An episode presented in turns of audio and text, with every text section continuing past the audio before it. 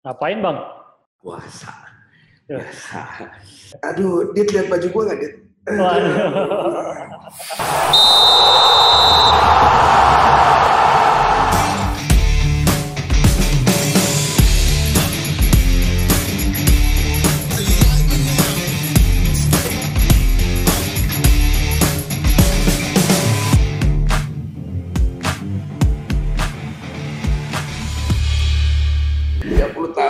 Dit. Ya, ampun. Ya makanya kayaknya ngelepas dahaga banget gitu bang. Haus banget gitu. 30 tahun sih puasanya ya kan. Nikmat kopi 30 tahun nggak juara. Oke, selamat datang di Padi Talk. Daripada ngomongin orang, Mending ngomongin bola. oke tadi udah dibahas juga sedikit bahwa Liverpool akhirnya bisa berbuka puasa dengan yang manis. Eits, kok akhirnya? Eh, iya kan akhirnya setelah 30 tahun. Dan gua pribadi sebagai fans United mengucapkan selamat berbuka puasa, selamat merayakan hari lebaran, artinya hari kemenangan bagi fans Liverpool. Ngomong-ngomong soal Liverpool, kita juga kedatangan seorang tamu nih bang. Woi, siapa ini Dit yang datang hari ini?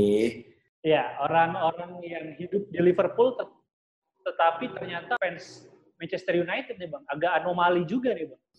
Hmm, eh, saya tahu ini orangnya siapa sepertinya. orang-orang yang bekerja di Liverpool Football Club, tapi fans United jangan-jangan nih bang, dia ini konspirasi untuk menghancurkan Liverpool dari dalam nih bang. Sekarang kita lihat saja di ranking. Coba lihat klasemennya, Manchester United ada di posisi berapa. Oke, langsung aja please welcome Dibio. Oke, halo Mas Dibio, apa kabar? Halo guys. Halo bro Dibio. Halo Bang Marbun, halo Adit. Halo Sobat Pandit, pada episode kelima Pandit Talk, kita kedatangan tamu spesial, seorang putra asli Indonesia yang bekerja di klub raksasa Inggris Liverpool FC. Dia adalah Dibio Dwi Putranto. Pria berusia 31 tahun ini merupakan alumni dari Fakultas Ekonomi Universitas Indonesia. Setelah menyelesaikan studinya, pria yang akrab disapa Dibi ini sempat berkarir di salah satu perusahaan multinasional di Jakarta. Dibi melanjutkan studinya di University of Liverpool pada tahun 2014-2015. Saat menjalani program magisternya, Dibi mendapatkan kesempatan untuk magang di Liverpool FC sebagai Customer Marketing Country Coordinator pada tahun 2015 hingga 2016. 16. Setelah menyelesaikan program magang, DB berkesempatan pula bekerja di Liverpool FC sebagai Partnership Insight Analyst. pada tahun 2017 hingga 2018. Tentunya bukan sebagai karyawan magang lagi. Sobat Pandit jangan sampai ketinggalan bagaimana keseruan pengalaman DB bekerja di Liverpool FC. Mas Dibio boleh sedikit pakai bahasa logat Scouse? Yo, Sedikit biasa kalau orang ketemu di sana kita nyebutnya eh, nyapa kayak yola lah lah. lah. Ah, kan nggak akan nggak akan tahu artinya.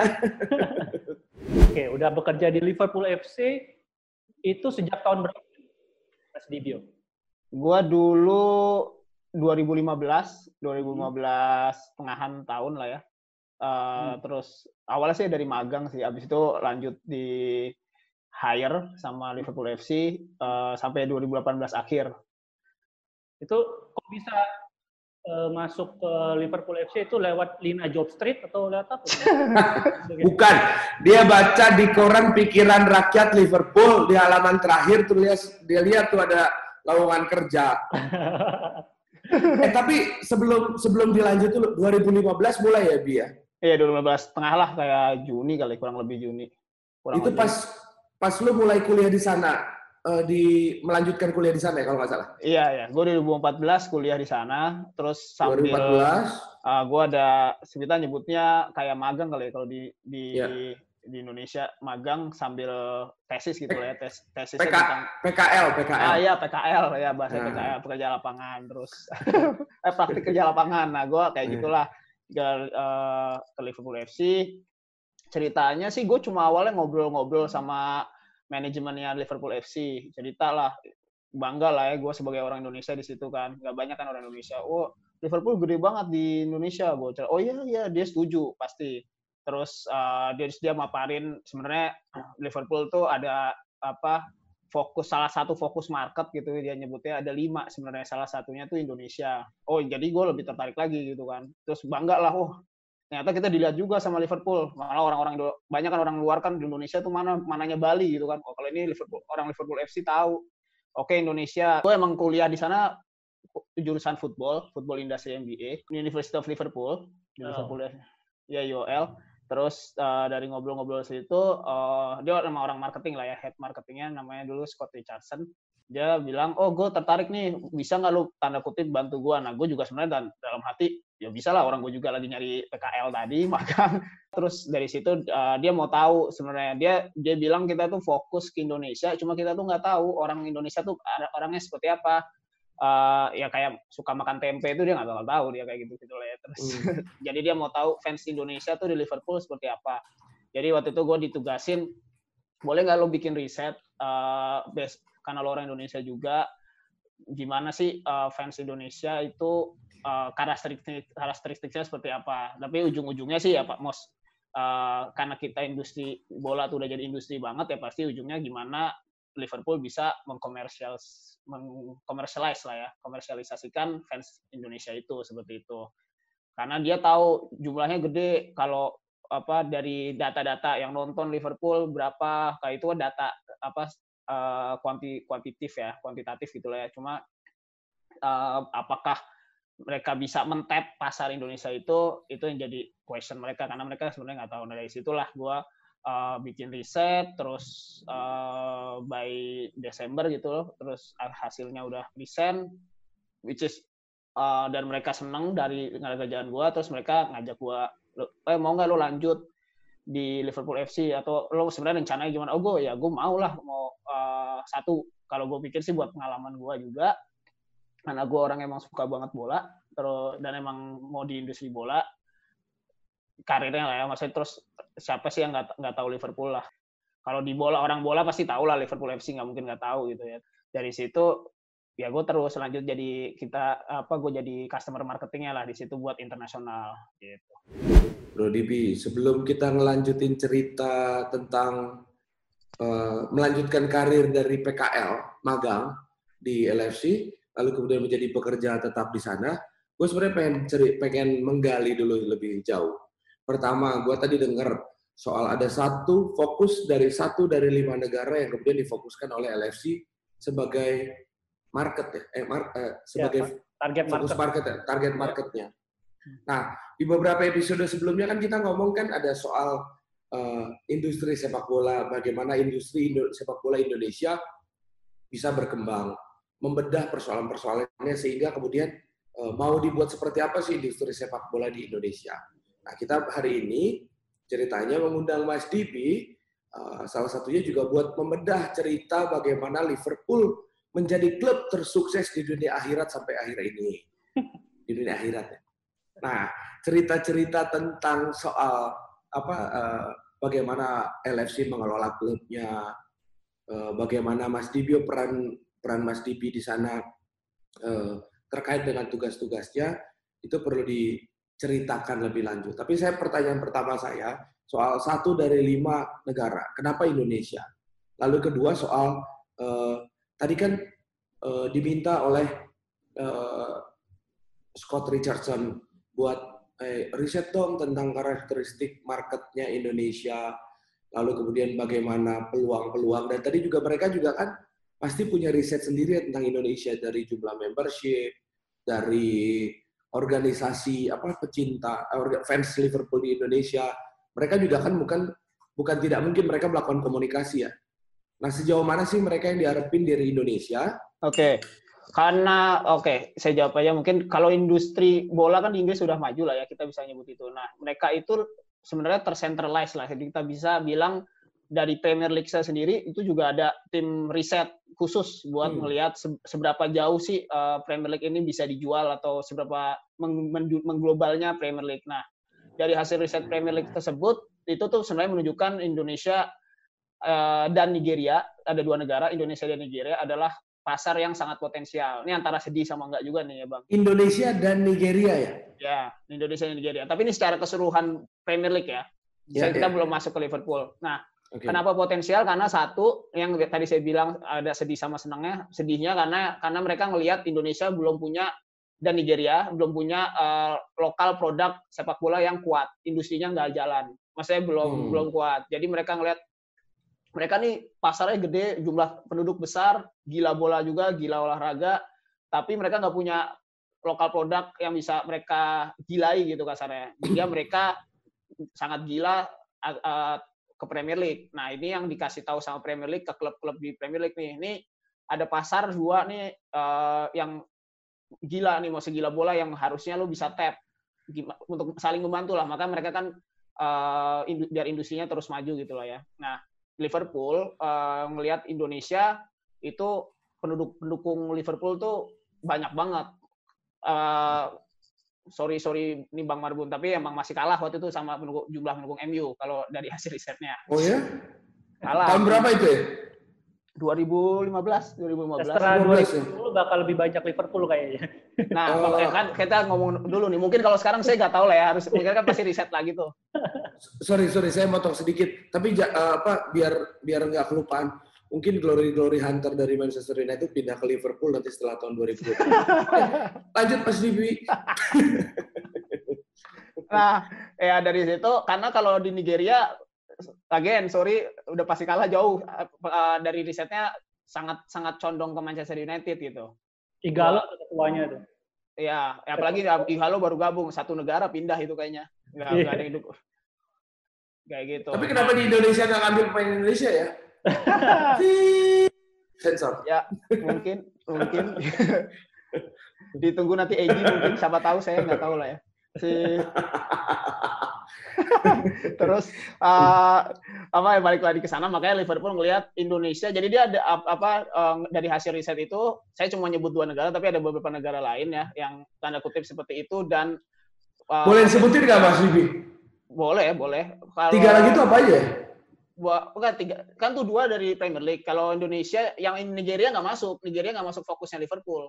Oh. Karena dia karena ya tadi maksudnya dia ngelihat pendukungnya di sebenarnya dikit, banyak kan jauh banyak MU, Real Madrid, Barcelona kayak gitu di sana. Kalau Liverpool hmm. dia ngelihat di Indonesia gede, terus tanda kutip sangat loyal, apalagi kayak Bang Maru udah kelihatan lah ya loyal banget. Terus sangat sabar, sangat sabar. Nah, yang lain ya tipikal sih. Kalau yang lain lebih tipikal.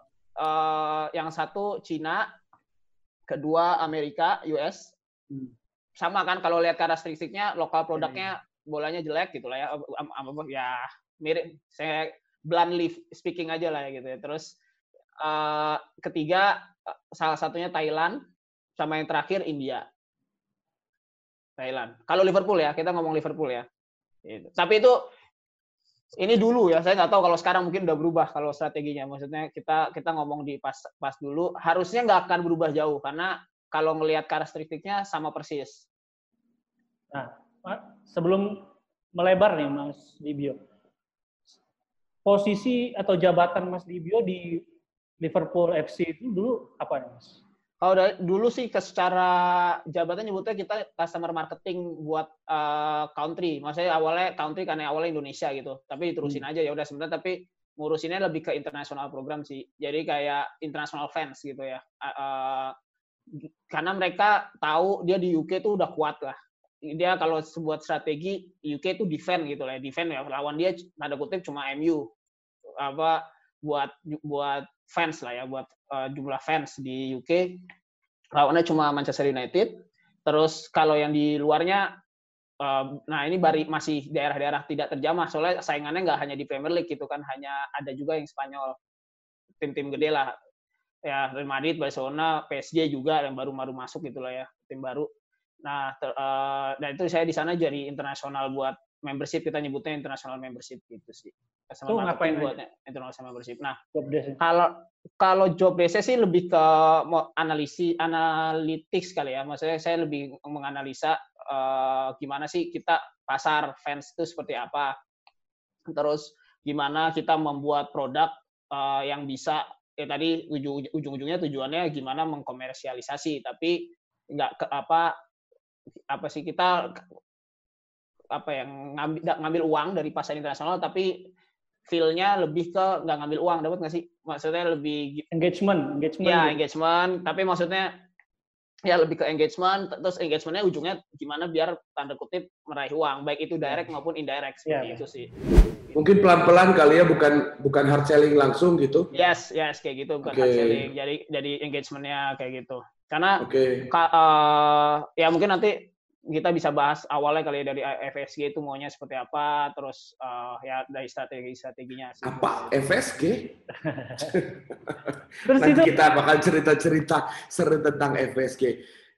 terus itu eh, gajinya berapa tuh kalau boleh tahu Weh, Eh, nggak Kisaran boleh nanya gaji. kisaran siapa tahu ada yang tertarik. Alhamdulillah kalau saya sih orangnya nggak muluk-muluk, alhamdulillah bisa inilah bisa hidup lah, Bisa sur bisa survive ya di Liverpool ya. bisa survive lah, alhamdulillah bisa ini ada. Bisa terak bisa neraktir kopi saya di pinggir apa di City Center. Waktu Iya, saya dulu berkunjung. dulu gue pernah ketemu di oh, jadi gue ketemu sama Dibio apa Dibi ke kantornya dia kantornya di Liverpool FC. oh ini Jadi main. jurus-jurus ini ya bang sombong pernah ke Liverpool gitu ya bang Iya, Oh, bukan. kayaknya sih ya sih. Bukan Iya. enggak, bukan pernah ya. Tolong dicatat, bukan pernah. waduh sering tinggal, ya tinggal, tinggal sama. Iya, Bang. Pernah tinggal. Tuh. Tapi kan gini nih. Jadi kan sebelum kita cerita-cerita FSG, Iya. nah tadi kan cerita bagaimana Liverpool melihat Indonesia sebagai pasar salah satunya dibanding apa eh, bersanding dengan Nigeria. Kalau nggak salah Nigeria itu penduduk penduduknya hampir 200 jutaan lah, ya. hampir sama kayak Indonesia. Eh Indonesia maksudnya 270 juta, Nigeria sama. India tadi menyebutkan dari eh, satu dari fokus juga ya, India. Tapi penduduknya kan di atas satu miliar India. Satu lagi tadi Nigeria, eh Thailand ya. Thailandnya agak aneh buat gua. Thailand kan kecil ya jumlah penduduk, tapi kenapa jadi fokus ya? Nah, Kalau kalau boleh Thailand, tahu, gua, Ya. kalau secara karakteristik sama, Bang. Tapi se- kalau dari penduduk, eh dari penduduk, sorry, dari support, jumlah supporter, Liverpool tuh nomor nomor satu di Thailand. Oh. begitu. Oke. Dibanding Manchester United dan klub-klub lain, ya. Iya. Oh, itu bakal jadi fokusnya. Mungkin presentasi presentasinya jauh lebih besar dibanding jumlah penduduknya gitu ya. Jadi Ya. kalau dihitung itu mungkin hampir sama dengan jumlah jumlah pendukung Liverpool di Indonesia gitu. Iya. Oh ya? Kayaknya orang Thailand tua-tua semua kayaknya makanya Saya- suka Liverpool Saya kurang tahu sih historinya, tapi apa eh, karena Premier League kan mungkin dari dulu masuk Indonesia juga lewat TV Thailand ya kalau nggak salah ya. Hmm. Eh, dari True. situ lah. Ya, kalau aku agak True lupa TV ya, kalau nggak Ya, salah True ya. TV kalau nggak salah saya juga namanya lupa bang. Cuma mungkin dari situ Premier League terus pas 2005 kayaknya itu pas Liverpool juara Liga Champion ya, benar nggak kalau nggak salah ya. Hmm. Nah, Iya, ketika itu Aduh. ini saya sih pura- pura-pura ngetes ini sebenarnya saya hafal juga. Terus, terus Nah, dari situ orang Thailand tanda kutip cintanya lebih kuat ke Liverpool ngelihat hmm. dan eh, apa value-nya Liverpool gitu itu sama kayak orang Thailand lah kasarnya gitu. Jadi Sem- bisa- sempet gak bi waktu misalnya lu sudah eh lu di sana tuh sampai tahun 2018 ya? ya akhir ya. 2018. Leicester tuh kan juara terus kemudian disponsori oleh King Power dan itu yang kemudian eh, apa salah satu sponsorship yang base-nya di Thailand. Oke. Berpengaruh nggak sih waktu pas lu terakhir terakhir di sana gitu antara jumlah fans Leicester yang baru Hmm. atau kemudian mengambil pasarnya Liverpool nggak sih gitu? Pas mereka hadir jadi juara itu Eh, pernah sempat tahu nggak? tahu cuma itu risetnya juga ada salah satu kayak gitu bang apa ya sesuatu yang mereka tanda kutip orang Inggris anti gitu loh ya mungkin tau lah kalau orang bola kan kita menyebutnya Ya, support ya. your local team support your local team seperti itulah ya kita nyebut kalau orang Hmm. sana support your local team lu siapa maksudnya dari luar negeri terus Hmm. eh, dukung-dukung Liverpool misalnya kayak gitu nah eh, masalahnya di Southeast Asia juga or, fans itu nggak mendukung hanya satu tim Oh. minimal dua. Saya saya saya akuin saya juga dua. Maksudnya dua tapi yang kuatnya di MU gitu lah ya. Yang Manchester Oh. United. Cuma kalau nah kalau makanya mereka nggak melihat itu sebagai isu. Mereka beralih ke apa ke Leicester gitu. Ya udah, tapi mereka tetap dukung Liverpool sebenarnya gitu. Oh, jadi nggak nggak kemudian berpindah, tapi malah jadi dua gitu ya? Iya. Oke oke oke. Kalau kalau di adalah mungkin mungkin adalah saya teman saya punya punya teman gitu setiap setiap Big Five dia punya klub yang dibela gitu kan. Nah itu kalau di, Inggris di apa di Iya, pasti. Ya. caci maki itu di Iya, hujat betul. lo dukung siapa lo dukung satu dukung Manchester United misalnya satu di Italia dukung AC Milan terus di Spanyol di Barcelona Prancis siapalah di Monaco tuh siapa semuanya ada gitu atau yang benar yang mana ya gue dukung semuanya gitu kan kalau orang asosiasi ya gue eh, nah itu udah di apa sih dimahfumkan sama saya udah maklum lah mereka kalau orang luar UK gitu dukungnya apalagi Asia dukungnya lebih dari satu tim. Jadi mereka nggak nggak masalah ketika Leicester juara. Nah itu karena kebanggaan nasional juga lah ya. Karena itu kan orang yang punya orang Iya. kan dan itu kayak apa miracle lah story of miracle gitu ya. So, Betul. klub apa klub yang cuma satu jalan doang tuh. Betul. kok komplek lah itu Leicester kan kayak kecil banget bisa juara nah Iya. itu nggak nggak masalah sih bang itu Klub Leicester jadi juara. Tapi ada pengaruhnya nggak sih, Bi? Maksudnya gini ya, kan klub sebesar Liverpool eh, pasti punya ini ya, punya riset yang cukup kuat ya terhadap market calon dan calon marketnya. Tadi lu bilang pindah enggak? Maksudnya ada orang yang kemudian sebelumnya eh, mendukung klub anu, terus kemudian pas Leicester juara di Thailand, apakah pindah apa enggak? Terus kedua, berpengaruh nggak sih sama si eh, spending power kali ya, apa ya istilahnya ya?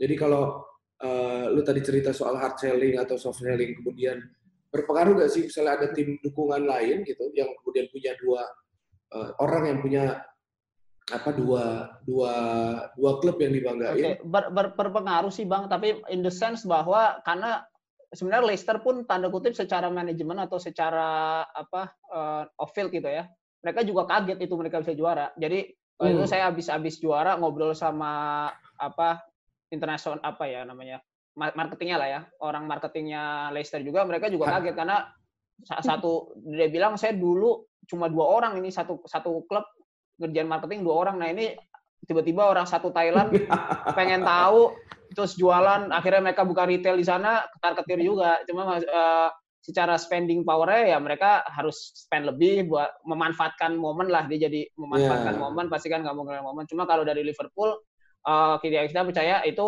nggak apa anomali lah satu tahun tapi kita ngebuildnya long term buat itu sih jadi nggak nggak spending powernya sih sama sih nggak nggak nggak berubah sih kalau dari Liverpool Dan mungkin kalau yang kemarin dari pendukung Liverpool atau pendukung Manchester United, terus kemudian tiba-tiba dukung Leicester karena juara di Thailand, sekarang balik lagi ke Liverpool karena Iya. Liverpool juara 19 apa Premier League 1920. Oh ya. Tapi gua nih gue pengen lanjut tanya ya, lanjut tanya soal ini dit apa edit soal kan lu kerja di Liverpool FC di di gedung perkantoran di center itu ya apa namanya daerahnya tuh Bi? One Liverpool Liverpool One di, One di Liverpool One ya. Lu pernah gak sih temuin orang-orang yang yang sialnya lu pendukung Manchester United sih ya?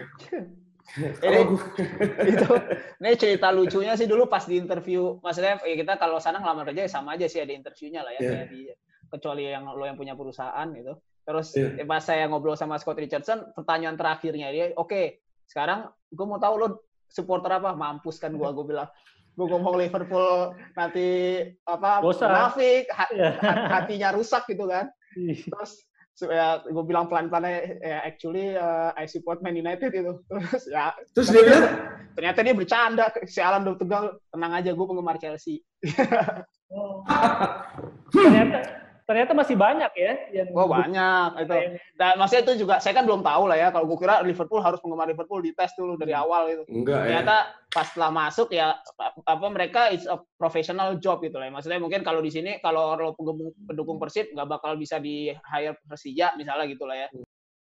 Tapi ada eh, kejadian-kejadian lucu nggak Mas Dibi?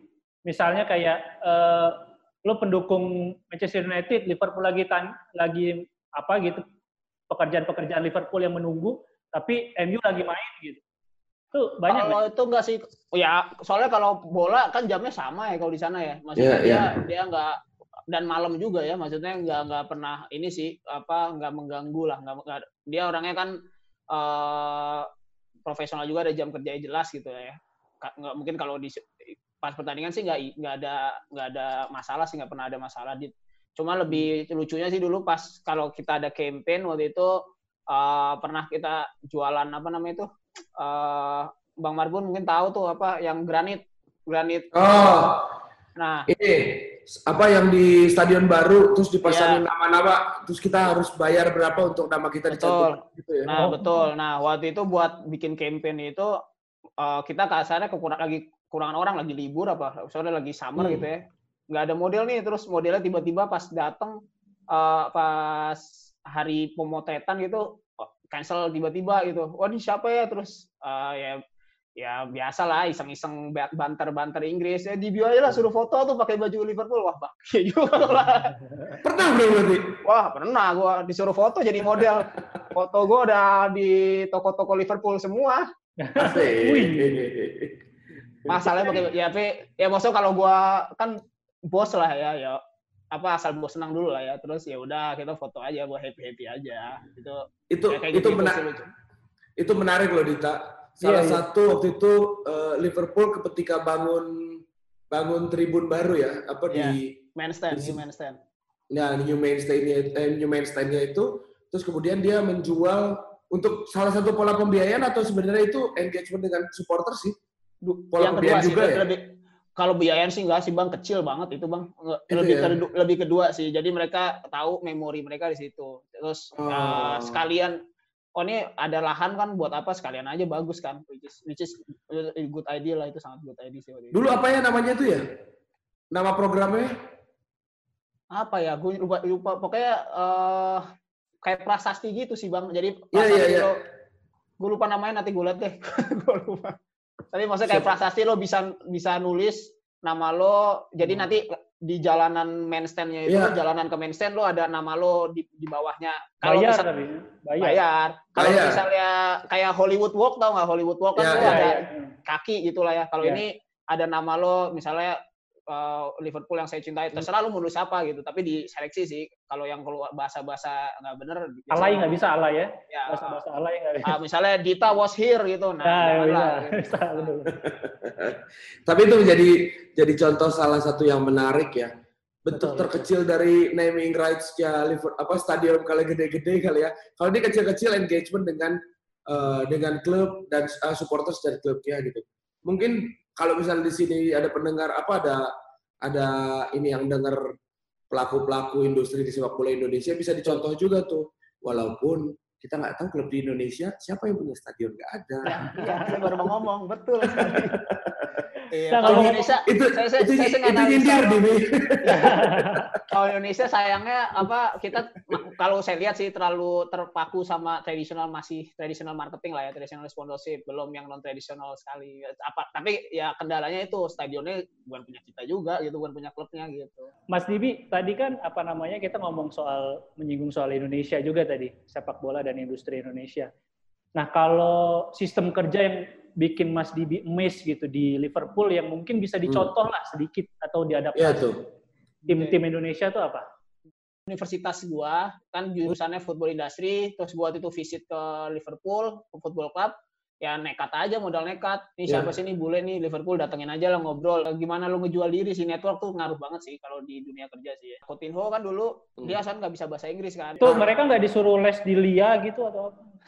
Klub nggak diam di tempat bang, bisa ke Barcelona, bisa ke ya. Madrid ya kan? Betul itu, betul.